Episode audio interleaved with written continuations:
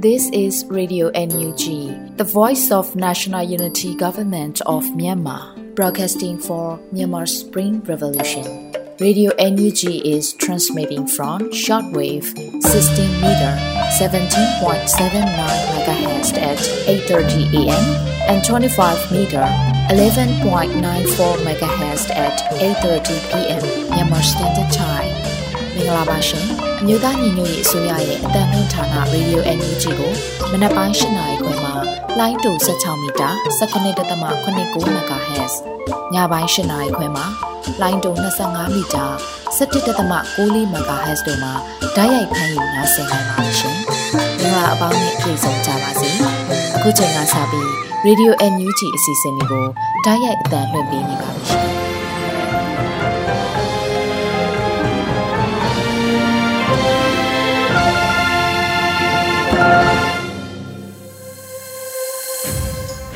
မြန်မာနိုင်ငံသူနိုင်ငံသားအပေါင်းတဘာဝဘေးစစ်အာဏာရှင်ပြီးတို့ကနေကင်းဝေးပြီးကိုစိတ်နှပါအေဂျင့်လုံခြုံကြပါစေလို့ Radio NUG ကနှုတ်ခွန်းဆက်တာအပ်ပါတယ်။ခုချိန်ကစပြီးပြည်တွင်းသတင်းများကိုຫນွေဦးမိုင်ကဖတ်ကြားတင်ပြပေးမှာဖြစ်ပါတယ်ရှင်။မင်္ဂလာပါရှင်။အခုချိန်ကစပြီး Radio NUG ရဲ့နောက်ဆုံးရသတင်းများကိုတင်ပြပေးပါတော့မယ်။ကျွန်မຫນွေဦးမိုင်ပါ။ပထမဆုံး ပသိမ်ထောင်နဲ့အကြမ်းဖက်ခံရမှုဖြစ်စဉ်နဲ့ပတ်သက်ပြီး UNG ကဖြစ်စဉ်အကျဉ်းချုပ်ကိုထုတ်ပေါ်တင်ပြခဲ့တဲ့တဲ့ကိုတင်ပြပေးပါမယ်။ပြည်တော်စုသမ္မတမြန်မာနိုင်ငံတော်အမျိုးသားညီညွတ်ရေးအစိုးရကထောက်ပြန်ကြေညာချက်အမှတ်24မြင်းဆောင်2022ဖြင့်မတရားအကျဉ်းချခံအကျဉ်းသားများရဲ့အကြမ်းဖက်ခံရမှုဖြစ်စဉ်ကိုထုတ်ပြန်ခဲ့ပြီးတစ်စက်တည်းမှာပဲဖြစ်စဉ်အကျဉ်းချုပ်ကိုရေးသားဖော်ပြလိုက်ပါတယ်။အဆိုပါထုတ်ပြန်ချက်မှာ2023ခုနှစ်ဇန်နဝါရီလ9ရက်နေ့နဲ့6ရက်နေ့တွင်စတင်ပြီး ပသိမ်ထောင်အတွင်းတွင်အကြမ်းဖက်စစ်အုပ်စုလက်အောက်ခံထောင်ဝင်ထမ်းများ၏အကြမ်းဖက်မှုကြောင့်မတရားအကျဉ်းချခံရသည့်ပြည်သူတအူအသက်ဆုံးရှုံးခဲ့ရပြီး80ဦးခန့်ဒဏ်ရာရရှိခဲ့ကတအူပျောက်ဆုံးနေစေဖြစ်ကြောင်းလူခွင့်ရေးဆိုင်ရာဝန်ကြီးဌာနကကောက်ယူထားတဲ့အချက်လက်များရဖော်ပြထားပါတယ် တေဆုံးသူမှာကိုဝေယံဖြိုးခေါ်ရာစုအသက်33နှစ်ဖြစ်ပြီးကိုဝင်းမင်းထက်ခေါ်မဲကြီးအသက်32နှစ်ကတော့ပျောက်ဆုံးနေဆဲဖြစ်တယ်လို့ဆိုပါတယ်။ဒါ့အပြင်နိုင်ငံရေးအကျဉ်းသား80ဦးခန့်တန်းရရရှိခဲ့ပြီးကိုဦးမှာအသက်အနည်းစိုးရင်ရတယ်လို့လည်းဆိုပါတယ်။ဖြစ်စဉ်ကျင်းချုပ်မှာ CDM ကျောင်းဆရာကိုကောင်းခန့်ကျော်ကိုတေတံချမှတ်ခံရတယ်လို့သတင်းကြားတာကြောင့်ဇန်နဝါရီ9ရက်နေ့ကကိုဝင်းမင်းထက်ခေါ်မဲကြီးမှစတင်ကအကျဉ်းသား9ဦးနဲ့အတူ ကန့်ကွက်ဆန္ဒပြခဲ့ပါတယ်။ထို့နောက်တွင်ကိုဝင်းထွန်းနိုင်ဆိုသူထမှဖုန်းသိမ်းစီးမိသည်ဟုဆိုကာဆန္ဒပြသူရှစ်ဦးလုံးကိုလာရောက်ခေါ်ဆောင်ပြီးတညလုံးရိုက်နှက်နှိပ်စက်ခဲ့ကြပါတယ်။မိုးလင်းသည့်အချိန်တွင်ကိုဝင်းမင်းထက်ပြန်ပါမလာဘဲအခြားခုနှစ်ဦးစလုံးမှာအသက်နဲ့ဆိုရင်ရသည့်အခြေအနေဖြင့်ပြန်လည်ရောက်ရှိလာကြောင်းနောက်တနေ့ဇန်နဝါရီလ6ရက်နေ့တွင်ကိုဝင်းမင်းထက်ကိုပြန်ထုတ်ပေးရန်တောင်းဆိုနေကြရမှထောင်ဝင်ထမ်းများကအကြမ်းဖက်တိုက်ပိတ်ခဲ့ကြပါတယ်။ နနက်10နာရီတွင်ရဲအင်အား30ခန့်ရောက်ရှိလာပြီးအခန်းတွင်အော်ဟက်တောင်းဆိုနေသောနိုင်ငံရေးအကျဉ်းသားများကိုကိုလုံးကြီးဖြင့်စတင်ပစ်ခတ်ပါတယ်။ထို့နောက်တယောက်ချင်းစီကိုအခန်းတွင်မှဆွဲထုတ်ကာစစ်ကြံတွင်ရိုက်နှက်တာကြောင့်ဒဏ်ရာများပြင်းထန်စွာရရှိခဲ့ကြပါတယ်။နေ့လယ်12နာရီတွင်တနက်တန်6ချက်ကြားရပြီးကိုဝေယံဖြိုးခေါ်ရစုတင်မှာဦးခန်းကိုတနက်ကြီး3ချက်ထိဒဏ်ရာဖြင့်တေဆုံးသွားကြောင်းဖော်ပြထားတာတွေ့ရပါတယ်။အကျဉ်းထောင်တွင်ကြမ်းဖက်မှုများညှဉ်းပန်းနှိပ်စက်မှုများနဲ့ မတရားတပ်ဖြတ်မှုများနဲ့ပတ်သက်ပြီးမှတ်တမ်းတင်ထိန်းသိမ်းလက်သက်ဆိုင်ရာကုလသမဂ္ဂပါဝင်နိုင်ငံတကာအဖွဲ့အစည်းများထံပေးပို့ခြင်းအပါအဝင်နီလာအမျိုးမျိုးဖြင့်တရားမျှတမှုဖော်ဆောင်ရန်ကြိုးပမ်းဆောင်ရွက်သွားမှာဖြစ်တယ်လို့အမျိုးသားညီညွတ်ရေးအစိုးရကဇန်နဝါရီလ9ရက်နေ့ရက်စွဲနဲ့ထုတ်ပြန်ထားပါတယ်ရှင်။ဆက်လက်ပြီးနီးပညာကျောင်းသားကျောင်းသူများကို NUG ရဲ့အစိုးရနီးပညာစီမံကိန်းများတွင်အလုတ်တင်ဝန်ထမ်းအဖြစ်စီစစ်ခန့်အပ်သွားမယ့်တဲ့တင်ကိုတင်ပြပေးပါမယ်။ နီးပညာကျောင်းသားကျောင်းသူများကိုအမျိုးသားညီညွတ်ရေးအစိုးရ NUG ရဲ့အစိုးရနီးပညာစီမံကိန်းများတွင်အလုတ်သင်ဝင်ထအဖြစ်စီစစ်ခန့်အပ်သွားမည်ဖြစ်ကြောင်းဆက်သွယ်ရေးသတင်းအချက်အလက်နဲ့ဤပညာဝန်ကြီးဌာနကအသိပေးကြေညာထားပါတယ်။အခုလိုလုတ်တင်ဝင်ထအဖြစ်ခန့်မဲ့သတင်းကို2022ခုနှစ်ဒီဇင်ဘာလအတွင်းမှာအသိပေးဖော်ပြခဲ့တာဖြစ်ပြီး2023ခုနှစ်ဇန်နဝါရီလ9ရက်နေ့မှာတော့ပြန်လည်ဖော်ပြခဲ့တာတွေ့ရပါတယ်။ အတိပေးဖော်ပြရမှာဤပညာဝန်ကြီးဌာနသည်အမျိုးသားညီညွတ်ရေးအစိုးရမဟာမိတ်အဖွဲ့အစည်းများနဲ့ပြည်သူများအတွက်လိုအပ်သည့်ဤပညာစီမံကိန်းများအားအကောင့်ထဲပေါ်ဆောင်ရွက်နေတာဖြစ်ကြောင်းတွန်လှိုင်းကာလနဲ့ကိုက်ညီသည့်ဤပညာစီမံကိန်းများအားအကောင့်ထဲပေါ်ဆောင်ရွက်ရာတွင်လိုအပ်သည့်လူစွမ်းအားရင်းမြစ်ဖြစ်တင်းနိုင်ရသည့်အရေးကြီးသည့်ကဏ္ဍတစ်ဖြစ်ပါကြောင်း ထို့ပြင်အနာဂတ်ဖက်ဒရယ်နိုင်ငံတော်တည်ဆောက်ရာတွင်လိုအပ်သည့်ဤပညာရင်းမြစ်ရကွန်းပေါ်ပေါက်လာစေရန်ဤပညာအခြေပြုတ်တော်လှန်ကာလအတွင်းမှစတင်၍အခြေခံအုတ်မြစ်တည်ဆောက်ပေးရန်လိုအပ်ပါကြောင်းဖြင့်ဖော်ပြပါရှိပါသည်အကြမ်းဖက်စစ်တပ်အားစန့်ကျင်သည့်အာဏာဖီဆန်လှုပ်ရှားမှုတွင်တက်ကြွစွာပါဝင်ခဲ့ကြသည့်ဤပညာကျောင်းသားကျောင်းသူများသည်တော်လှန်ကာလနှင့်အနာဂတ်ဖက်ဒရယ်နိုင်ငံတော်အတွက်အဖိုးမဖြတ်နိုင်သည့်လူစွမ်းအားရင်းမြစ်များဖြစ်ပါသည်ကျောင်းသားကျောင်းသူများနှင့်ဖြင့်တက်မြောက်ထားသည့်ဤပညာစွမ်းရည်များဖြင့်ပ ညာရှင်အဖြစ်ရည်တည်၍အနာဂတ်ဖက်ဒရယ်နိုင်ငံတော်တည်ဆောက်ရေးလုပ်ငန်းများတွင်အကျိုးဖြစ်ထွန်းစေရန်လုံငါအာနာဖီဆန်လှုပ်ရှားမှုတွင်ပါဝင်ကြသည့်ဤပညာတက်မြောက်ကျောင်းသားများအားဆက်သွယ်ရေးတရင်အချက်လက်နဲ့ဤပညာဝင်ကြီးဌာနနှင့်ဖြင့်အစိုးရဤပညာစီမံကိန်းများတွင်အလုတ်တင်ဝန်ထမ်းအဖြစ်စီစစ်ခန့်သွားမှာဖြစ်ပါတယ်လို့ဆိုပါတယ်အလုတ်တင်ကျောင်းသားများစီစစ်ခန့်အရေးအတွက်စစ်တွေရေးတရင်အချက်လက်နဲ့ဤပညာဝင်ကြီးဌာနနှင့်ဖြင့် ခွက်ကာစတိုဒီယိုနဲ့ချိတ်ဆက်ဆောင်ရွက်သွားမည်ဖြစ်ကြောင်းထုတ်ပြန်ကြေညာအပ်ပါတယ်လို့ရေးသားထားပါတယ်ရှင်။ဆက်လက်ပြီး Zomi Federal Union ZFU ကဦးစီးကျင်းပသည့် ZFU Information Session ကိုပြည်ထောင်စုလွှတ်တော်ကိုစားပြုကော်မတီမှအဖွဲ့ဝင်များတက်ရောက်ခဲ့တဲ့တဲ့ကိုတင်ပြပေးပါမယ်။ပြည်ထောင်စုလွှတ်တော်ကိုစားပြုကော်မတီမှအဖွဲ့ဝင်များနေဖြင့် Zomi Federal Union ZFU ကဦးစီးကျင်းပတဲ့ Information Season ကို2023ခုနှစ် ဇန်နဝါရီလ10ရက်နေ့နနက်10:00နာရီအချိန်တွင်ဗီဒီယိုကွန်ဖရင့်မှာတဆင့်တက်ရောက်ခဲ့လို့သိရပါတယ်။တွဲဆောင်ဆွေးနွေးပွဲတွင် Member of Supreme Council ZFU မှဥပောက်ခတ်ဆွမ်ကချင်းဘာသာစကားဖြင့်အဖွင့်ဆုတောင်းစကားပြောကြားပေးခဲ့ပြီးချင်းပြည်နယ်တည်တဲ့အမျိုးသားလွှတ်တော်ကိုယ်စားလှယ်ဦးဟန်ခန်လျန်ကယခုမိမိတို့တိုက်ယူနေခြင်းသည်တာမန်ငင်းချရဲ့အတွက်မဟုတ်ဘဲငင်းချရေးကိုပြတ်ပြားစေရန်လှုံ့ဆော်နေသည့်စစ်မိတ်စာမကောင်းဆိုးဝါးဟုသည်များကို မြန်မာပြည်ကြီးမြင့်နှပင်ကနေမောင်းထုတ်ပြီးမြန်မာပြည်ကြီးအတွက်ခက်တဲ့ငင်းချရေးအစ်စ်မှငင်းချရေးရရှိရန်အတွက်ဖြစ်ပါကြောင်းနဲ့တောင်ပေါ်မြေပြန့်သွင်းမကွဲပဲမိတုကူမြနောက်ချန်ထားခဲ့ခြင်းမရှိပဲအားလုံးအတူတကွချီတက်ပြီးခက်တဲ့ငင်းချရေးကိုတိစောက်ကြပါမည်ဖြစ်ကြောင်းပြောကြားခဲ့ပါတယ်ထို့နောက်ပြည်တော်စုလွှတ်တော်ကိုစားပြုကော်မတီအဖွဲ့ဝင်ဒေါ်မြတ်တီရာထုံးကအကြမ်းဖက်စစ်အာဏာရှင်အုပ်စုကိုပုံတရာအမျိုးမျိုးဖြင့်တွန်းလှန်တိုက်ပွဲဝင်နေကြသည့်အလွှာအသီးသီးမှပြည်သူများနိုင်ငံတော်ဝန်မှပြည်သူ့ကာကွယ်တပ်ဖွဲ့ဝင်များဘဝနှင့်အသက်ကိုဆွန့်လွတ်သွားခဲ့ကြသည့်အာဇာနည်များအားလုံးကိုလေးစားဥညွတ်ပါကြောင်းပြည်သူ့ဆန္ဒအစစ်မှန်ဖြစ်သည့်2020ရွေးကောက်ပွဲရလဒ်အရပြည်သူ၏ကိုစားပြုခွင့်တာဝန်ကိုအနှင်းချင်းခံထားရသည့်မိမိတို့လွှတ်တော်ကိုယ်စားလှယ်များအနေဖြင့်နိုင်ငံနှင့်ပြည်သူအတွက်ကတိပြုသစ္စာဆိုထားပြီးတော်လှန်ရေးတာဝန်များကိုထမ်းဆောင်နေကြတဲ့ကဲ့သို့လွှတ်တော်နီလာအဖြစ်လဲနိုင်ငံတကာကိုချင်းကပ်ပူးပေါင်းဆောင်ရွက်လက်ရှိပါကြောင်းလုံးဝတရားဝင်မှုမရှိသည့်အပြင်ပြည်တွင်းနဲ့နိုင်ငံတကာဥပဒေများကိုချိုးဖောက်ကျူးလွန်နေသည့်စေအုပ်စုသည်အကြမ်းဖက်ဖန်ဆီးခြင်းတပ်ဖြတ်ခြင်းပြည်သူလူထုနေများကိုမိရှုခြင်းများပြုလုပ်လက်ရှိပြီးတစ်ဖက်တွင်ကျင်းပရန်ကြိုးပမ်းနေသည့်အတုအယောင်ရွေးကောက်ပွဲဆိုသည်မှာလည်း စစ်အုပ်စုအတွက်နိုင်ငံရေးထွက်ပေါက်ဖြစ်လာမည်မဟုတ်ပဲ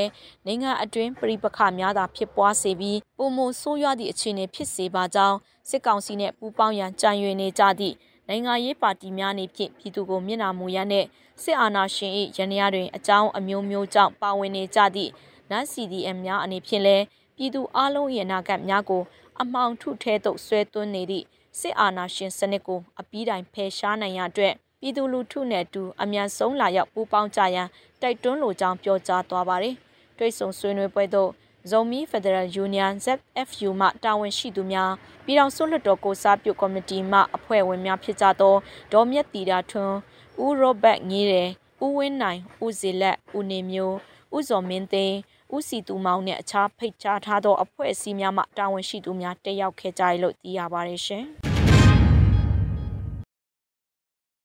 တော်လှန်ရေးရန်ပုံငွေရှာဖွေပေးလှည့်ရှိတဲ့ San Fran Bay Area ကအလှူငွေဒေါ်လာ1000ခွဲဝန်းကျင်လက်ခံရရှိတဲ့သတင်းကိုဆက်လက်တင်ပြပေးချင်ပါတယ်။ American နိုင်ငံကနေလာဆင်တော်လှန်ရေးရန်ပုံငွေရှာဖွေပေးလှည့်ရှိတဲ့ San Francisco Bay Area ကຫນွေဦးလက်ဖေးဝိုင်းမှာဇန်နဝါရီလ10ရက်နေ့ကဟင်းလျာများချက်ပြုတ်ရောင်းချရာမှာအလူငွေ14682ဒေါ်လာလက်ခံရရှိခဲ့ကြောင်းသိရပါတယ် တော်လှန်ရေးအတွက်ပါဝင်နေဖြစ်ပုံနဲ့ပတ်သက်လို့ຫນွေဦးလက်ဖရင်ဝိုင်းမိသားစုမှအဖွဲ့ဝင်တို့က Radio UNG ကိုခုလိုပြောပါတယ်ကျမတို့ရဲ့ San Francisco Bay Area California နွေဦးလက်ဖက်ရည်ဝိုင်းမိသားစုလေးလက်ပတ်ပြီးမြန်မာပြည်ကတော်လန်ရေးတိုင်းရင်းသားညီကိုမောင်နှမတွေကိုကူညီခဲ့တာတစ်နှစ်ပြည့်ခဲ့ပါပြီ ကျမတို့မိသားစုတွေအားလုံးကြိုးကြိုးစားစားပူးပေါင်းကူညီပြီးအလှရှင်တွေလှူအားပေးတွေဝယ်ယူအားပေးသူတွေအားလုံးတိုင်းပြည်ကိုချစ်တဲ့စိတ်နဲ့လူသားချင်းစာနာစိတ်တွေနဲ့မတရားမှုတွေကိုကြည့်မနေနိုင်လို့ဝိုင်းဝန်းစူးစမ်းခဲ့ကြတာကြောင့်လဆင်လုံနိုင်ခဲ့တာမို့အားလုံးကိုလေးစားဂုဏ်ယူပါတယ်ရှင်ဆက်လက်ဝယ်ယူအားပေးခြင်းဖြင့်တော်လန်ရေးကိုလည်းတတ်နိုင်တဲ့နေရာကနေပါဝင်ပေးကြပါအောင်ရှင် ကျမတို့ရဲ့နှစ်သက်တန်တိတ်ထန်ကတော့အားလုံးစီစီလုံးလုံးညီညီညွတ်ညွတ်နဲ့ပို့ပြီးစ조사ကြမယ်ရှင်စစ်အာဏာရှင်တွေရဲ့သွေးခွဲမှုကိုလည်းတွန်းလှန်ကြမယ်ပြည်ရင်းပြည်ပအားလုံးညီညွတ်ရေးတည်တာအဓိကဖြစ်ပါတယ်အရေးတော်ပုံအောင်ရမယ်ရှင်ဆန်ဖရန်စစ္စကိုရှိဘေးအေရီးယားမှာအမေရိကန်ရောက်မြန်မာမိသားစုဟာຫນွေဦးတော်လိုင်းစတင်တဲ့အချိန်မှစလို့ယနေ့ထက်တိုင်ကြာရတာဝန်ကိုကြေပွန်စွာဝိုင်းဝန်းထမ်းဆောင်နေရပဲဖြစ်ပါတယ်ရှင်။ ယခုတင်ပြပေးခဲ့တဲ့သတင်းတွေကိုဝင်ကြီးဌာနများနဲ့မိဖက်သတင်းရင်းမြစ်တွေကိုအခြေခံပြီး Radio UNG သတင်းထောက်လွတ်လပ်နေကပေးပို့ထားတာဖြစ်ပါတယ်ရှင်။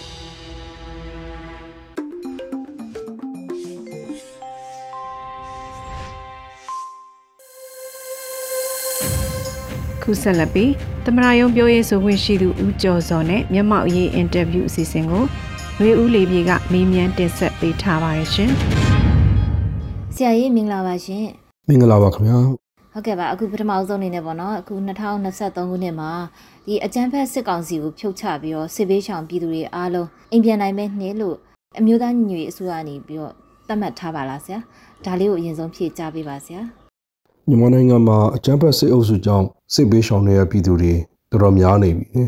ကုလသမဂ္ဂရဲ့အစီရင်ခံစာအရတသန်းခွဲရှိနေပြီပေါ့နော် ဆိုတော့သူတို့တွေကကိုယ်အိမ်ကိုပြန်ကျင်ကြတယ်သူတို့တချို့တော်တော်များဆိုရင်ပြန်စရာအိမ်မီးရှို့လို့မရှိတော့ဘူးဆိုတော့ကိုရွာကိုမြို့ကိုအိမ်ကိုပြန်ကျင်ကြတယ်ကျွန်တော်တို့ NUG အစိုးရကလည်းစစ်ဘေးရှောင်ဒုက္ခသည်တွေစစ်ဘေးရှောင်ပြည်သူတွေမိမိနေရက်ကိုအများဆုံးပြန်နိုင်ဖို့အတွက်ကျွန်တော်တို့လည်းစူးစမ်းဆောင်ရွက်ပေးနေပါတယ်ကျွန်တော်တို့ရဲ့ဒီ2023ခုနှစ်ခါဆိုရင်အဆုံးသတ်တိုက်ပွဲအတွက်အဆုံးဖြတ်နှစ်ပေါ့နော်ဒီ2023ခုနှစ်မှာတိုက်ပွဲတွေစစ်မျက်နှာပေါင်းစုံ ကာဝေးရေးစစ်ရေးနိုင်ငံရေးစီးပွားရေးဒီတန်တမာရေးပေါ့နော်နိုင်ငံတကာဆက်ဆံရေးအဲ့စစ်မျက်နှာပေါင်းစုံမှာစစ်အုပ်စုကိုအထိနာအောင်ကျွန်တော်တို့အရှိန်အုံမြင့်ပြီးတော့ပြူအားကြကြတိုက်ခိုက်သွားမှာဖြစ်ပါတယ်စစ်အုပ်စုပေါ်မှာအောင်ပွဲခံတာမြန်လီ စစ်ပေးရှောင်းတွေကိုအိမ်ကိုပြန်ဖို့အချိန်မြန်နေဖြစ်မှာပါအဲ့အတွက်လည်းအမြန်ဆုံးဖြစ်အောင်ကျွန်တော်တို့တွေစူးစမ်းနေပါတယ်တိုင်းသားပြည်သူလူထုရဲ့ထောက်ခံမှုတိုင်းသားပြည်သူလူထုရဲ့လုံးရဲ့ပါဝင်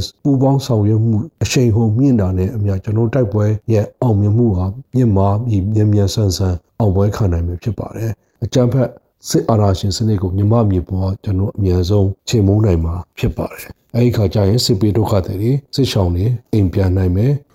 ဟုတ်ကဲ့ပါဆရာနောက်တစ်ခုကလေတော်လန်ရေးပြီးရင်ရောပြန်လေထူထောင်ရေးလုပ်ငန်းဆိုင်ရာဒီစီမံချက်တွေကိုပေါ့နော် NUG အနေနဲ့အခုကတည်းကရေးဆွဲထားတာမျိုးရှိနေပြီလားဆရာကျွန်တော်အစိုးရအဖွဲ့အားလည်းကြီးညာထားပြီးသားရှိပါတယ်စစ်ဆောင်တွေကိုအိမ်ကိုပြန်ဖို့ဒီဆုံးရှုံးသွားတဲ့အိမ်တွေကိုပြန်ပြီးတော့ဒီဆောက်ဖို့ကိစ္စတွေကျွန်တော် NUG ပြည်သူ့အစိုးရဝိုင်းဝန်းကူညီဆောင်ရွက်ပေးပဲဆိုတာပြောကြားထားပါတယ်စီမံကိန်းတွေလည်းအစီအစဉ်တွေချမှတ်ထားပြီးသားရှိပါတယ် ဟုတ်ကဲ့ပါတော်လန်ရေးမြန်မြန်နဲ့ထိထိရောက်ရောက်ရှေ့ဆက်သွားဖို့ဆိုပြည်သူလူထုနဲ့တိုင်းရင်းသားတွေဘက်ကရောဘာတွေများပူးပေါင်းပါဝင်အားဖြည့်ဖို့လိုအပ်ပါလဲဆရာအရေးကြီးဆုံးကတော့စစ်အာဏာရှင်စနစ်မြမမြေပေါ်ကအများဆုံးပျောက်ဖို့အတွက်အားလုံးတိုင်းသားပြည်သူတွေအားလုံးတက်ညီလက်ညီအချီတဲ့တပြိုင်တည်းယုံကြရင်ကျွန်တော်တို့အောင်ပွဲကမဝေးတော့ပါဘူးဒီနှစ်ကအရေးကြီးတဲ့နှစ်ပါခင်ဗျာဟုတ်ကဲ့ပါဆရာကုလသမဂ္ဂလုံခြုံရေးကောင်စီရဲ့ဆုံးဖြတ်ချက်တွေကိုမလိုက်နိုင်ရင် UN အနေနဲ့က စစ်အုပ်စုကိုအရေးယူတာမျိုးတွေရောနောက်ဆက်တွဲအနေနဲ့ရှိလာနိုင်လားဆရာကုလသမဂ္ဂလုံခြုံရေးကောင်စီရဲ့ဆုံးဖြတ်ချက်မြန်မာနိုင်ငံနဲ့ပတ်သက်ပြီးဆုံးဖြတ်ချက်ဒီဇင်ဘာလထဲမှာချမှတ်ခဲ့ပါတယ်။ဒါကတမိုင်းဝင်လို့ပြောရမှာပါ။ဘာလို့လဲဆိုတော့ကုလသမဂ္ဂလုံခြုံရေးကောင်စီကုလသမဂ္ဂတပ်တမ်းမှာမြန်မာနိုင်ငံအတွက်ဆုံးဖြတ်ချက်ချတာပထမအဦးဆုံးဖြစ်ပါတယ်။မြန်မာနိုင်ငံလွတ်လပ်ရေးရပြီးကုလသမဂ္ဂအဖွဲ့ဝင်နိုင်ငံဖြစ်ပြီးမြန်မာနိုင်ငံအတွက်လုံခြုံရေးကောင်စီကဆုံးဖြတ်ချက်ချတဲ့ဟာဒါပထမအဆုံးဖြစ်ပါတယ်။အရင်တော့ကြေညာချက်တွေပဲရှိပါတယ်။ဆိုတော့ ဒီဟာအင်္ဂလိပ်လိုပြောရင်တော့ binding resolution ပေါ့နော်ဒီလိုက်နာဆောင်ရွက်ရမယ်ဆုံးဖြတ်ချက်အဲ့ဒီလိုက်နာဆောင်ရွက်ရမယ်ဆုံးဖြတ်ချက်ကိုတောက်ကွက်တဲ့နိုင်ငံမရှိဘဲနဲ့အတည်ပြုနိုင်ခဲ့တယ်နိုင်ငံ၁၂နိုင်ငံထောက်ခံတယ်၃နိုင်ငံကကြားနေခဲ့တယ်ပေါ့နော်ဘယ်မပြီးခဲ့ဘူးဆိုတော့ဒီအားကိုမလိုက်နိုင်ရင်ကုလသမဂ္ဂလုံခြုံရေးကောင်စီကဘယ်လိုဆက်လက်ပြီးအရေးယူမလဲဆိုတော့ကျွန်တော်တို့စက်ကြည့်ရပါမယ် ဘာလို့ဒီကအဆုံးဖြတ်ချက်ကိုမလိုက်နိုင်ရင်ကုလသမဂ္ဂလုံခြုံရေးကောင်စီအနေနဲ့ဆက်လက်ပြီးအရေးယူနိုင်တဲ့အနေအထားမှာရှိပါတယ်ဆိုတော့အဲ့ဒါကတော့ဒီအဲ့ဒီချိန်ကရောက်တဲ့အခါမှာစောင့်ကြည့်ရမှာပေါ့နော်ဟဟုတ်ကဲ့ပါဆရာအဲ့လိုမျိုးပေါ့နော်အရေးယူနိုင်အောင်လို့ဒီစေအုပ်စုကနေပြီးတော့ကြတော့ဟိုပြစ်မှုကျူးလွန်ထားတဲ့အထောက်ထားတွေပေါ့နော်ခိုင်လုံတဲ့အမှတ်တမ်းအထောက်ထားတွေကို NUG ကနေတဆင့်ပေါ့နော် UN ကိုပေးပို့နေရမျိုးတွေရှိလားဆရာ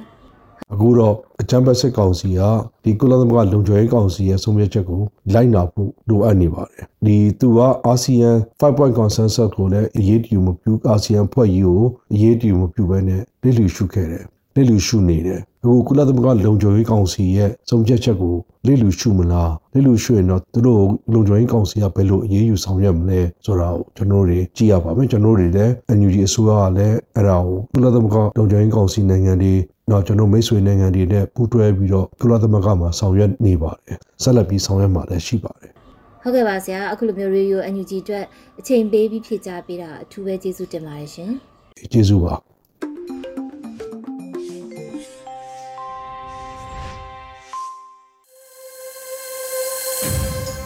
နောက်ထပ်နားဆင်ကြရအောင်မယ်ရဲတရဘတ်မိုးလေဝသခံမှန်းချက်အစီအစဉ်ကိုတော့အေရီကဖတ်ကြားတင်ပြပေးထားပါတယ်ရှင်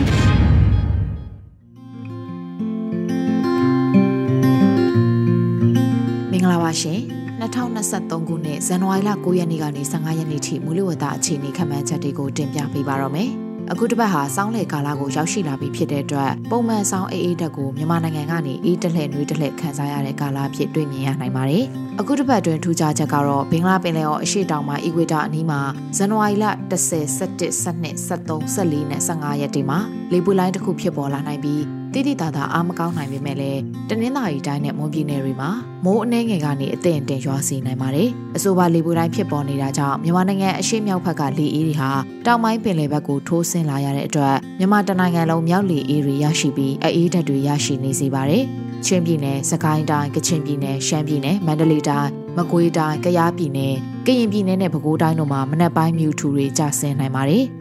အခုဆက်လက်ပြီးနေ့အလိုက်တပတ်စာမိုးလေဝသအခြေအနေတွေကိုတင်ပြပေးသွားပါမယ်။ဇန်နဝါရီလ9ရက်နေ့အတွက်ခံမှန်းချက်ကတော့မြန်မာနိုင်ငံအထက်ပိုင်းနဲ့အလယ်ပိုင်းမှာမြောက်အရှေ့မြောက်လေတွေတိုက်ခတ်နိုင်ပြီးတောင်ပိုင်းမှာအရှေ့လေတွေတိုက်ခတ်နေနိုင်ပါတယ်။စောင်းမုတ်တုံအခြေအနေကတော့မြန်မာနိုင်ငံအနောက်ပိုင်းအလယ်ပိုင်းအရှေ့ပိုင်းနဲ့မြောက်ပိုင်းဒေသတွေမှာညအပူချိန်တွေအနည်းငယ်ဆက်လက်ကျဆင်းနေပြီးအေးနေနိုင်ပါတယ်။ ချင်းပြည်နယ်၊စကိုင်းတိုင်း၊ကချင်ပြည်နယ်၊ရှမ်းပြည်နယ်၊မန္တလေးတိုင်း၊မကွေးတိုင်း၊ကယားပြည်နယ်၊ကရင်ပြည်နယ်နဲ့ပဲခူးတိုင်းတို့မှာမနက်ပိုင်းမြူထူတွေကျဆင်းနိုင်ပါတယ်။ဘင်္ဂလားပင်လယ်အော်တောင်ပိုင်းနဲ့ကပ်ပလီပင်လယ်ပြင်တို့မှာတိမ်အထင်တင်ဖြစ်ထွန်းနိုင်ပြီးကြံဘင်္ဂလားပင်လယ်အော်မှာတာယာနိုင်ပါတယ်။မိုးအခြေအနေကတော့ရခိုင်ပြည်နယ်မှာနေရာကွက်ကြားမိုးနှဲငယ်ရွာနိုင်တာကလွဲလို့ကြံတပြည်လုံးမှာအများအားဖြင့်တာယာနိုင်ပါတယ်။မြမပင်လယ်ပြင်မှာမြောက်အရှိမြောက်ဘက်ကလေဟာတနအီကို9မိုင်ကနေ10မိုင်ထိတိုက်ခတ်နိုင်ပြီးလှိုင်းအသင်တင်ရှိနိုင်ပါတယ်။ ဇန်နဝါရီလ10ရက်နေ့အတွက်ခံမှန်းချက်ကတော့မြန်မာနိုင်ငံအထက်ပိုင်းနဲ့အလယ်ပိုင်းမှာမြောက်အရှိမြောက်လေတွေတိုက်ခတ်နိုင်ပြီးတောင်ပိုင်းမှာအရှိလေတွေတိုက်ခတ်နေနိုင်ပါတယ်။စောင်းမုတ်တုံအခြေအနေကတော့မြန်မာနိုင်ငံအနောက်ပိုင်းအလယ်ပိုင်းအရှိပိုင်းနဲ့မြောက်ပိုင်းဒေသတွေမှာညအပူချိန်တွေအနည်းငယ်ဆက်လက်ကျဆင်းနေပြီးအေးနေနိုင်ပါတယ်။ချင်းပြည်နယ်၊စကိုင်းတိုင်း၊ကချင်ပြည်နယ်၊ရှမ်းပြည်နယ်၊မန္တလေးတိုင်း၊မကွေးတိုင်း၊ကယားပြည်နယ်၊ကရင်ပြည်နယ်နဲ့ပဲခူးတိုင်းတို့မှာမနက်ပိုင်းမြူထူတွေကျဆင်းနိုင်ပါတယ်။ ဘင်္ဂလားပင်လယ်အော်တောင်ပိုင်းနဲ့ကပ်ပလီပင်လယ်ပြင်မှာတိမ်အထင်တင်ဖြစ်ထွန်းနိုင်ပြီးကြံဘင်္ဂလားပင်လယ်အော်မှာတာယာနိုင်ပါတယ်။ထူးခြားချက်အနေနဲ့ထိုင်းပင်လယ်ကွေ့မှာလေပူလိုင်းတစ်ခုဖြစ်ပေါ်လာနိုင်ပြီးနောက်24နာရီအတွင်းမှာတနင်္သာရီတိုင်းကိုမိုးအနှဲငယ်ရွာစီနိုင်ပါတယ်။မိုးအခြေအနေကတော့တနင်္သာရီတိုင်းမှာနေရာကွက်ကြားမိုးအနှဲငယ်ရွာနိုင်တာကလွဲလို့ကြံတပြီလုံးမှာအများအပြားတာယာနိုင်ပါတယ်။မြမပင်လယ်ပြင်မှာအရှိအရှိမြောက်ဘက်ကလေဟာတနအီကို9မိုင်ကနေ10မိုင်ထိတိုက်ခတ်နိုင်ပြီးလှိုင်းအသင်တင်ရှိနိုင်ပါတယ်။ ဇန်နဝါရီလ17ရက်နေ့အတွက်ခံမှန်းချက်ကတော့မြန်မာနိုင်ငံအထက်ပိုင်းနဲ့အလယ်ပိုင်းမှာမြောက်အရှိမြောက်လေတွေတိုက်ခတ်နိုင်ပြီးတောင်ပိုင်းမှာအရှိလေတွေတိုက်ခတ်နေနိုင်ပါတယ်။စောင်းမုတ်တုံအခြေအနေကတော့မြန်မာနိုင်ငံအနောက်ပိုင်းအလယ်ပိုင်းအရှေ့ပိုင်းနဲ့မြောက်ပိုင်းဒေသတွေမှာညပူချိန်တွေအနည်းငယ်ဆက်လက်ကျဆင်းနေပြီးအေးနေနိုင်ပါတယ်။ချင်းပြည်နယ်၊စကိုင်းတိုင်း၊ကချင်ပြည်နယ်၊ရှမ်းပြည်နယ်၊မန္တလေးတိုင်း၊မကွေးတိုင်း၊ကယားပြည်နယ်၊ကရင်ပြည်နယ်နဲ့ပဲခူးတိုင်းတို့မှာမနက်ပိုင်းမြူထူတွေကျဆင်းနိုင်ပါတယ်။ ဘင်္ဂလားပင်လယ်အော်တောင်ပိုင်းနဲ့ကပလီပင်လယ်ပြင်မှာတိမ်အထင်တင်ဖြစ်ထွန်းနိုင်ပြီးကြံဘင်္ဂလားပင်လယ်အော်မှာတာယာနိုင်ပါတယ်။ထူးခြားချက်ကတော့ထိုင်းပင်လယ်ကွေ့ကလီပွေလိုင်းဟာတနင်္သာရီကမ်းရိုးတန်းကိုဖျက်ကျော်လာပြီးပြက်ပြဲသွားနိုင်ပါတယ်။နောက်ထပ်လီပွေလိုင်းတစ်ခုဘင်္ဂလားပင်လယ်အော်အရှေ့တောင်မှာအီကွေတာအနီးမှာဆက်လက်ဖြစ်ပေါ်လာနိုင်ပါတယ်။မိုးအခြေအနေကတော့တနင်္သာရီတိုင်းမှာနေရာကွက်ကြားမိုးအသင့်တင်ရွာနိုင်တာကလွဲလို့ကြံတပြီလုံးမှာအများအပြားတာယာနိုင်ပါတယ်။ မြမပင်လယ်ပြင်မှာအရှိအရှိမြောက်ဘက်ကလေဟာတနအီကို9မိုင်ကနေ10မိုင်ထိတိုက်ခတ်နိုင်ပြီးလှိုင်းအသင့်တင်ရှိနိုင်ပါတယ်။ဇန်နဝါရီလ12ရက်နေ့အတွက်ခံမှန်းချက်ကတော့မြန်မာနိုင်ငံအထက်ပိုင်းနဲ့အလယ်ပိုင်းမှာမြောက်အရှေ့မြောက်လေတွေတိုက်ခတ်နိုင်ပြီးတောင်ပိုင်းမှာအရှေ့လေတွေတိုက်ခတ်နေနိုင်ပါတယ်။စောင်းမုတ်တုံအခြေအနေကတော့မြန်မာနိုင်ငံအနောက်ပိုင်းအလယ်ပိုင်းအရှေ့ပိုင်းနဲ့မြောက်ပိုင်းဒေသတွေမှာညအပူချိန်တွေအနည်းငယ်ဆက်လက်ကျဆင်းနေပြီးအေးနေနိုင်ပါတယ်။ ချင်းပြည်နယ်၊စကိုင်းတိုင်း၊ကချင်ပြည်နယ်၊ရှမ်းပြည်နယ်၊မန္တလေးတိုင်း၊မကွေးတိုင်း၊ကယားပြည်နယ်၊ကရင်ပြည်နယ်နဲ့ပဲခူးတိုင်းတို့မှာမနက်ပိုင်းမြူထူတွေကျဆင်းနိုင်ပါတယ်။ဘင်္ဂလားပင်လယ်ော်တောင်ပိုင်းနဲ့ကပ်ပလီပင်လယ်ပြင်မှာတိမ်အထင်တင်ဖြစ်ထွန်းနိုင်ပြီးကြံဘင်္ဂလားပင်လယ်ော်မှာတာယာနိုင်ပါတယ်။ထူးခြားချက်ကတော့ဘင်္ဂလားပင်လယ်ော်အရှေ့တောင်ပိုင်းအီကွေတာအနီးမှာဖြစ်ပေါ်နေတဲ့လေပွေလိုင်းဟာဆက်လက်တည်ရှိနိုင်ပါတယ်။မိုးအခြေအနေကတော့မွန်ပြည်နယ်နဲ့တနင်္သာရီတိုင်းမှာနေရာကွက်ကြားမိုးအထင်တင်ရွာနိုင်တာကလွဲလို့ကြံတပြည်လုံးမှာအများအပြားတာယာနိုင်ပါတယ်။ မြမပင်လယ်ပြင်မှာအရှိအရှိမြောက်ဘက်ကလေဟာတနအီကို9မိုင်ကနေ10မိုင်ထိတိုက်ခတ်နိုင်ပြီးလှိုင်းအထင်တင်ရှိနိုင်ပါတယ်။ ဇန်နဝါရီလ23ရက်နေ့အတွက်ခံမှန်းချက်ကတော့မြန်မာနိုင်ငံအထက်ပိုင်းနဲ့အလယ်ပိုင်းမှာအနောက်အနောက်မြောက်လေတွေတိုက်ခတ်နိုင်ပြီးတောင်ပိုင်းမှာအရှေ့လေတွေတိုက်ခတ်နေနိုင်ပါတယ်။စောင်းမုတ်တုံအခြေအနေကတော့မြန်မာနိုင်ငံအနောက်ပိုင်းအလယ်ပိုင်းအရှေ့ပိုင်းနဲ့မြောက်ပိုင်းဒေသတွေမှာညအပူချိန်တွေအနည်းငယ်ဆက်လက်ကျဆင်းနေနိုင်ပြီးအေးနေနိုင်ပါတယ်။ချင်းပြည်နယ်၊စကိုင်းတိုင်း၊ကချင်ပြည်နယ်၊ရှမ်းပြည်နယ်၊မန္တလေးတိုင်း၊မကွေးတိုင်း၊ကယားပြည်နယ်၊ကရင်ပြည်နယ်နဲ့ပဲခူးတိုင်းတို့မှာမနက်ပိုင်းမြူထူတွေကျဆင်းနိုင်ပါတယ်။ ဘင်္ဂလားပင်လယ်ော်တောင်ပိုင်းနဲ့ကပလီပင်လယ်ပြင်တို့မှာတိမ်အထင်တင်ဖြစ်ထွန်းနိုင်ပြီးကြံဘင်္ဂလားပင်လယ်ော်မှာတာယာနိုင်ပါတယ်။ထူးခြားချက်ကတော့ဘင်္ဂလားပင်လယ်ော်အရှေ့တောင်ပိုင်းအီကွေတာအနီးမှာဖြစ်ပေါ်နေတဲ့လေပွေလိုင်းဟာဆက်လက်တည်ရှိနိုင်ပါတယ်။မိုးအခြေအနေကတော့မွန်ပြည်နယ်နဲ့တနင်္သာရီတိုင်းတို့မှာနေရာကွက်ကြားမိုးအထင်တင်ရွာနိုင်တာကလွဲလို့ကြံတပြည်လုံးမှာအများအပြားတာယာနိုင်ပါတယ်။မြမပင်လယ်ပြင်မှာအရှေ့မြောက်ဘက်ကလေဟာတနအီကို9မိုင်ကနေ10မိုင်အထိတိုက်ခတ်နိုင်ပြီးလှိုင်းအထင်တင်ရှိနိုင်ပါတယ်။ ဇန်နဝါရီလ14ရက်နေ့အတွက်ခံမှန်းချက်ကတော့မြန်မာနိုင်ငံအထက်ပိုင်းနဲ့အလယ်ပိုင်းမှာအနောက်အနောက်မြောက်လေတွေတိုက်ခတ်နိုင်ပြီးတောင်ပိုင်းမှာအရှေ့လေတွေတိုက်ခတ်နေနိုင်ပါတယ်။စောင်းမုတ်တုံအခြေအနေကတော့မြန်မာနိုင်ငံအနောက်ပိုင်းအလယ်ပိုင်းအရှေ့ပိုင်းနဲ့မြောက်ပိုင်းဒေသတွေမှာညအပူချိန်တွေအနည်းငယ်ဆက်လက်ကျဆင်းနေပြီးအေးနေနိုင်ပါတယ်။ချင်းပြည်နယ်၊စကိုင်းတိုင်း၊ကချင်ပြည်နယ်၊ရှမ်းပြည်နယ်၊မန္တလေးတိုင်း၊မကွေးတိုင်း၊ကယားပြည်နယ်၊ကရင်ပြည်နယ်နဲ့ပဲခူးတိုင်းတို့မှာမနက်ပိုင်းမြူထူတွေကျဆင်းနိုင်ပါတယ်။ ဘင်္ဂလားပင်လယ်ော်တောင်ပိုင်းနဲ့ကပလီပင်လယ်ပြင်မှာတိမ်အထင်အထင်ဖြစ်ထွန်းနိုင်ပြီးကြံဘင်္ဂလားပင်လယ်ော်မှာတာယာနိုင်ပါတယ်။ထူးခြားချက်ကတော့ဘင်္ဂလားပင်လယ်ော်အရှေ့တောင်ပိုင်းအီကွေတာအနီးမှာဖြစ်ပေါ်နေတဲ့လေပွေလိုင်းဟာဆက်လက်တည်ရှိနိုင်ပါတယ်။မိုးအခြေအနေကတော့မွန်ပြည်နယ်နဲ့တနင်္သာရီတိုင်းမှာနေရာကွက်ကြားမိုးနှင်းငယ်ရွာနိုင်တာကလွဲလို့ကြံတပြည်လုံးမှာအများအပြားတာယာနိုင်ပါတယ်။မြမပင်လယ်ပြင်မှာအရှေ့မြောက်ဘက်ကလေဟာတနအီကို9မိုင်ကနေ10မိုင်ထိတိုက်ခတ်နိုင်ပြီးလှိုင်းအထင်အထင်ရှိနိုင်ပါတယ်။ ဇန်နဝါရီလ15ရက်နေ့အတွက်ခံမှန်းချက်ကတော့မြန်မာနိုင်ငံအထက်ပိုင်းနဲ့အလယ်ပိုင်းမှာမြောက်လေတွေတိုက်ခတ်နိုင်ပြီးတောင်ပိုင်းမှာအရှေ့လေတွေတိုက်ခတ်နေနိုင်ပါတယ်။စောင်းမုတ်တုံအခြေအနေကတော့မြန်မာနိုင်ငံအနောက်ပိုင်းအလယ်ပိုင်းအရှေ့ပိုင်းနဲ့မြောက်ပိုင်းဒေသတွေမှာညအပူချိန်တွေအနည်းငယ်ဆက်လက်ကျဆင်းနေပြီးအေးနေနိုင်ပါတယ်။ချင်းပြည်နယ်၊စကိုင်းတိုင်း၊ကချင်ပြည်နယ်၊ရှမ်းပြည်နယ်၊မန္တလေးတိုင်း၊မကွေးတိုင်း၊ကယားပြည်နယ်၊ကရင်ပြည်နယ်နဲ့ပဲခူးတိုင်းတို့မှာမနက်ပိုင်းမြူထူတွေကျဆင်းနိုင်ပါတယ်။ ဘင်္ဂလားပင်လယ်ော်တောင်ပိုင်းနဲ့ကပ်ပလီပင်လယ်ပြင်မှာတိမ်အထင်တင်ဖြစ်ထွန်းနိုင်ပြီးကြံဘင်္ဂလားပင်လယ်ော်မှာတာယာနိုင်ပါတယ်။ထူးခြားချက်ကတော့ဘင်္ဂလားပင်လယ်ော်အရှေ့တောင်ပိုင်းအီကွေတာအနီးမှာဖြစ်ပေါ်နေတဲ့လေပွေလိုင်းဟာဆက်လက်တည်ရှိနိုင်ပါတယ်။မိုးအခြေအနေကတော့မွန်ပြည်နယ်နဲ့တနင်္သာရီတိုင်းမှာနေရာကွက်ကြားမိုးနှင်းငယ်ရွာနိုင်တာကလွဲလို့ကြံတပြည်လုံးမှာအများအပြားတာယာနိုင်ပါတယ်။မြမပင်လယ်ပြင်မှာမြောက်အရှေ့မြောက်ဘက်ကလေဟာတနအီကို9မိုင်ကနေ10မိုင်ထိတိုက်ခတ်နိုင်ပြီးလှိုင်းအထင်တင်ရှိနိုင်ပါတယ်။ မြမပြည်သူအပေါင်း2023ခုနှစ်နှစ်သစ်အခါသမယမှာစတင်ပြီးတဘာဝဘေးရန်နေရီရောပါတတ်တာပြီးအေဂျင့်တာရတဲ့ဘဝတွေကိုအမြန်ဆုံးပိုင်ဆိုင်နိုင်ကြပါစေကြောင်းလူသားချင်းစာနာထောက်ထားရေးနဲ့ဘေးရန်နေဆိုင်ရာစီမံခန့်ခွဲရေးဝန်ကြီးဌာနကရသက်တပတ်မိုးလေဝသအခြေအနေခန့်မှန်းချက်တွေနဲ့အတူစုတောင်းမြစ်တာပို့တာထားပါတယ်ရှင်။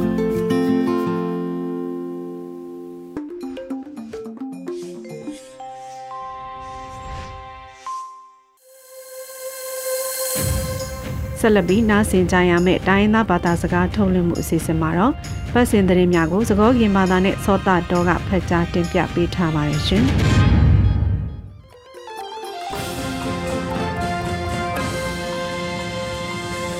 နီလာဂေလောကွယ်လူလိုကညောစရောဒါတာကလေပါတုကနတာဖုတေမောတုကိုဆူကလေကိုမူခုကပွဲတော့ဒါီတာဘာတဖာကိုမိပတာဆဲရနေလော နော်အကေရာစောတာတော့ကပါဖလားထော်နေဝဲတနီဒေါ်ဘူးဒါကစောတဖာနေလောဒါကစောခေါ်တီတီယူနေမီဝဲတာကမ္လလဘာကူဘာဂောတာကိုမီတဲ့အတာအိုတာဖာဤကပါမဆခုကီယာအောအောဂောနေအရေဒိုဝဲဝေကောဆပ်ဘုတ်တခုကလမန်ဝင်းခိုင်တန်တဲဖလာဝဲတာနေလောပယောတုဂရဓမ္မနာမဖောတဖာခုကမ္လလဘာကူဘာဂောတာကိုမီတဲ့အတာအိုတာဖာဤကပါမဆခုကီယာအောအောဂောနေအရေဒိုဝဲဝေ ကောဆပ်ဘကိုတုခုကလမန်ဝင်ခိုင်တန်တေဖလာဝဲဖဲလာယူနွာရီရဲ့တော့နီဒါတုကလမှာဘဇဂဒေါ်တာမာဖလာတော့ကမလတာပက်စရကမီဒီလောကတာတာဖို့ဘူးနေလော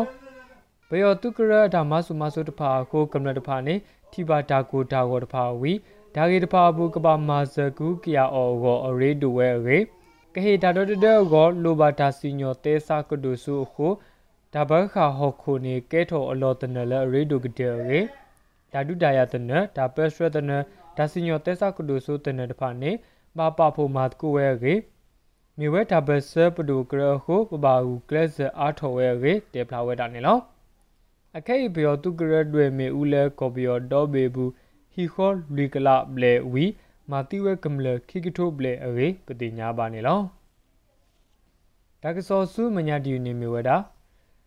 ဒါပိတမလအမာဇစုကဝဲလက်ဘယောတုကရအိုတဖာခဲလက်ကထောတာတကူကိုအညူဂျီတီဥခေါ်ကေကိုကိုတိုတေဖလာဝဲတာနေလော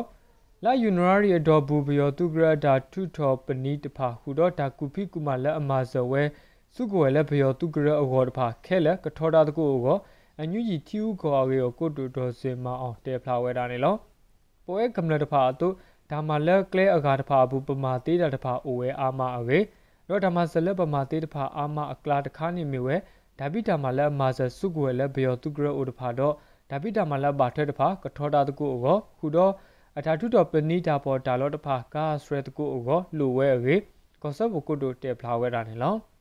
အခဲနေဘယောတုကရအထာထုတော်ပဏိတဖာလက်အမေမြမဘီယာတော့မိုက်တဲစင်ကဒါထက်နုခွေတော့နာစေကတ်တဖာဤဆွနုပွေတာစားတာလဲစကိုင်းခေါ်တူအဘူးနေ ဒါတော့တဲ့ကမ္လကရတဖာတတူလိုထရောဆာတီဝဲရေပတိညာပါနေလောဒါကစောဆုမညာတူနေမြဝတာဘယောတုကရတာမာကမာလအဟိနေတာစီညောတဖာဘယောတုကရတာမဆုမဆုမာတိတာတဖာဤမော်တော်တို့ဦးကျော်မိုးထွန်းဆောလဝဲစုဘောမှုဆဖို့နေရခုကလမစ္စတာအန်တိုနီယိုဂူတာရအိုနေလောဘယောတုကရတာမာကမာလအလော်ဒီလောဆက်တဖာတော့ အဒါမဆုမဆုမာတိတာတဖာဤမော်တော်တို့ဦးကျော်မိုးထွန်းဆောလဝဲစုဘောမှုဆဖို့နေရခုကလမစ္စတာအန်တိုနီယိုဂူတာရအိုနေလောဆောလဝဲဖဲလာယူနဝါရီခုတော်နေဝီဒီနေ့တော့နူစီနူဘလဘလဘောမှုဆဖို့ထော်ရကော်ပိုရေးအဘဘလောစင်နော်မစ္စတာချာဘာကူရာရှီအိုစီကောစရလဝဲအဝေးပတိညာပါနေလောကောပီယောဘူးပယောတုကရဒါမာကမာတာဂေတာကလိုလော်ဒီလော်ဆက်ဖာဤကွဲလော်ဝဲလဲလီလဲပလိုပလိုဖလာတော့စရလော်ဝဲတာနေလော နော်ပယောတုကရဒါမာကမာတာဂေတာကလိုတဖာစရလော်လဲလီလဲအကတော့ဒါမာကမာလက်အပါထွက်တော့ကဘောယူဓာတုတဖာခုတော့ခိုတဖာဘူးဓမ္မကမလက်ထီကိုဝေခိုဖို့တဖာအလိုဒါကေတဖာစီကောပါဝဲကေပတိညာပါနေလောဒါကစောလက်ကိကတတီယူနေမြဝတာကောပယောဒါတပလမူနီဘူးကြိုင်စိတ်ကြီးပယောတုကရတုလောဘဒူလက်အပါဓာတုတဖာဘူးပယောတုဖို့တီဝဲအားကနေတော့ ဖဲကောပယောဒါတပလမူနီလက်ကညောကောဆဲကြိုင်စိတ်ကြီးကောစာပယောတုကရတုလောဘဒူတဖာဒူပါဝဲဓာတုအကတော့ပယောတုဖို့တီဝဲအာမရေပတိညာပါနေလောလာယူနဝရီလီတောနီအဘူးဓာတုကဲထော်ဝဲဒိုမလဲဝေကြရင်စိတ်ကြီးပယောတုကရတုလောဘဒူတဖာလက်မေခလာယတစီခီခလာယခိယခောစီတခလာယခိယခောစီလူတဖာဘူးဒါပစတုကရပဖူတဖာ နူလောဒုဒါကတော့ပယောတုဖို့တီဝဲအာမရေကြရင်စိတ်ကြီးကောစာကမ္လတာပစရကရဒါကစောဘူးပါဖလာဝဲတာနေလောပယောတုကရတခောဟဲမဇဒုဒါလက်ကဘောယူတာဒုတဖာအာဘလဘာစာသူလဘဒုခိခအဘူးပယောတုဖိုအဂါခိကရခခတီနေဝဲအရေဒါကစောပါဖလာဝဲတာနေလောဒါပစတုကရပါဖိုဘူး CDM တူဖိုရဲနိုင်သွေးဟူသောတူဖိုအဂါလူကတတမှုလောမှာဝဲဝီသူလဘဒု တနောလွယ်နေဝဲလဲမိဥရေပတိညာပါနေလောတော့ခဲရပါဖလားထော်နေသူတနွေဒေါ်ဘူတာကစောတဖာနေလူဝီတာဖဲနေလောမောတုပါမူထောဖို့နေကေ W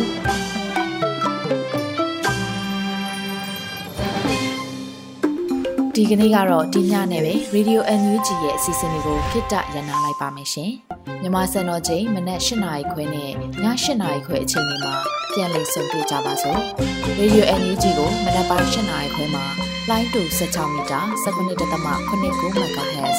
ညပိုင်း၈နာရီခွဲမှာလိုင်းတူ25မီတာ17.6 MHz တို့မှာဓာတ်ရိုက်ဖမ်းလို့နိုင်စေနိုင်ပါပြီ။မြန်မာနိုင်ငံသူနိုင်ငံသားတွေကိုစိတ်နှပြ